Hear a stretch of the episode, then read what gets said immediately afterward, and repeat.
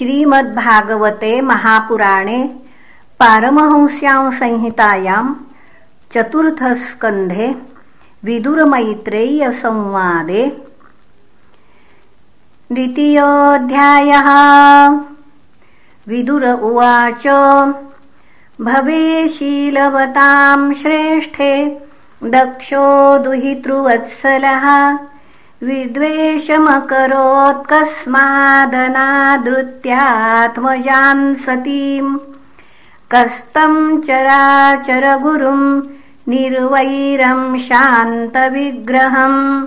आत्मा रामं कथं द्वेष्टि जगतो दैवतं महत्। एतदाख्याहि मे ब्रह्मन् जामातुः श्वशुरस्य च विद्वेषस्तु यतः प्राणांस्तत्यजेदुस्तजान् सती। मैत्रेय उवाच पुरा विश्वसृजां सत्रे समेताः परमर्षयः। तथामरगणाः सर्वे सानुगाः मुनयोग्नयः। पुनः तत्र प्रविष्टमृषयो दृष्ट्वार्कमिव रोचिषाम् भ्राजमानं वितिमिरं कुर्वन्तं तन्महत्सदः। उदतिष्ठन् सदस्यास्ते स्वधिष्णे ये पुनः उदतिष्ठन् सदस्यास्ते स्वधिष्ण्येभ्यः सहाग्नयः ऋते विरिञ्चं शर्वञ्च तद्भासाक्षिप्तचेतसः सदसस्पतिभिर्दक्षो भगवान् साधु सत्कृतः अजलोकगुरुं नत्वा निशसादतदाज्ञयाम् प्राङ्निषण्णं मृडं दृष्ट्वा नामृष्यत्यदनादृतः उवाच वामं चक्षुर्भ्यामभिवीक्षदहन्निव।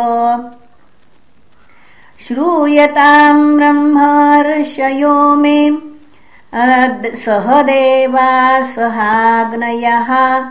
साधूनां ब्रुवतो वृत्तं। नाज्ञानान्न च मत्सरात् अयन्तु लोकपालानां यशोघ्नो निरपत्रपः सद्भिराचरितः पन्था येन स्तब्धेन दूषितः। एष मे शिष्यतां प्राप्तो यन्मे दुहितुरग्रहीत्। पाणिं विप्राग्निमुखतः सावित्र्या इव साधुवत् गृहीत्वा मृगशावाक्षाः पाणिं मर्कटलोचनः। प्रत्युत्थानाभिवादार्हे वाचाप्यकृतनोचितम्। लुप्तक्रियाया शुचये मानिने भिन्नसेतवे। अनिच्छन्नप्यदां बालां शूद्रायेवोशतीं गिरम् प्रेतावासेषु घोरेषु प्रेतैर्भूतगणैर्वृतः अटन्त्युन्मत्तवन्नग्नो व्युक्तकेशो हसन्नृदन् चिताभस्मकृतस्नानः प्रेतस्रम्यस्थिभूषणः शिवापदेशो ह्यशिवो मत्तो मत्तजनप्रियः। पतिः प्रमथभूतानां तमो मात्रात्मकात्मनाम् तस्मा उन्मादनाथाय नष्टशौचाय दुर्हृदे।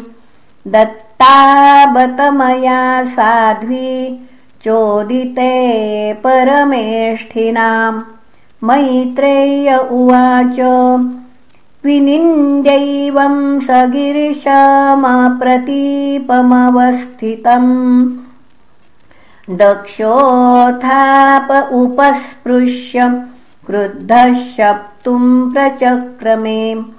अयन्तु देवयजन इन्द्रोपेन्द्रादिभिर्भवः सहभागम् न लभताम्।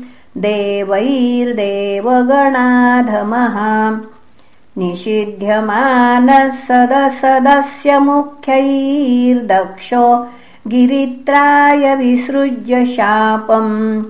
तस्माद्विनिष्क्रम्य विवृद्धमन्युर्जगाम निजम् निकेतनम् विज्ञाय शापम् गिरिशानुगाग्रणीर्नन्दीश्वरो रोषकषाय दूषितः।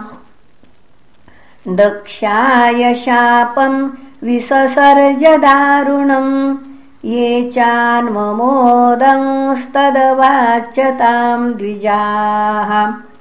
ये एतन्मर्त्यमुद्दिश्य भगवत्यप्रतिद्रुहि दुह्यत्यज्ञः पृथग् दृष्टिस्तत्त्वतो विमुखो भवेत्। गृहेषु कूटधर्मेषु सक्तो ग्राम्यसुखेच्छया कर्मतन्त्रम् वितनुते वेदवादविपन्नधीः। बुद्ध्यापराभिध्यायिन्या विसृतात्मगतिः पशुः। स्त्रीकामसोऽस्त्वतितराम् दक्षोबस्तमुखोचिरात् विद्याबुद्धिरविद्यायाम् कर्मशय्यामसौ जडः संसरन्विहये चामुमनु शर्वावमानिनम् गिरश्रुताया पुष्पिण्या मधुगन्धेन भूरिणा मन्था चोन्मथितात्मा सम्मुह्यन्तु हरद्विषः सर्वभक्षाद्विजावृत्तै धृतविद्या तपोव्रताः वित्तदेहेन्द्रिया रामा याचका विचरन्त्विहो तस्यैवम् ददतः शापम् श्रुत्वा द्विजकुलाय वै। भृगुः प्रत्यसृजच्छापम् ब्रह्मदण्डम् दुरत्ययम् भवव्रतधरा ये च ये च तान् समनुव्रताः पाखण्डिनस्ते भवन्तु सच्छास्त्रपरिपन्थिनः। नष्टशौचा मूढधियो जटाभस्मास्थिधारिणः। विशन्तु शिवदीक्षायाम् यत्र दैवम् सुरासवम्। ब्रह्म च ब्राह्मणंश्चैव यद्यूयम् परिनिन्दथ सेतुम् विदारणम् पुंसामतः पाखण्डमाश्रिताः। एष एव हि लोकानाम् शिवः पन्थाः सनातनः। यम् पूर्वे चानुसन्तस्थुर्यत्प्रमाणम् जनार्दनः तद्ब्रह्म परमम् शुद्धम् सताम् वर्त्मसनातनम् विगर्ह्य यातपाषण्डम् दैवम् वो यत्र भूतराट्। मैत्रेय उवाच तस्यैवम् वदतः शापम् भृगो स भगवान् भवः निश्चक्राम ततः किञ्चिद्विमना इव सानुगः। तेऽपि विश्वसृजः सत्रम् सहस्रपरिवत्सरान्। संविधाय महेश्वास यत्रेजऋषभो हरिः।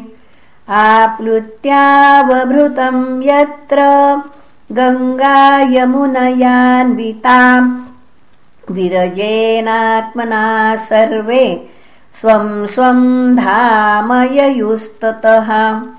इति श्रीमद्भागवते महापुराणे पारमहंस्यां संहितायां चतुर्थस्कन्धे दक्षशापो नाम द्वितीयोऽध्यायः। श्रीकृष्णार्पणमस्तु।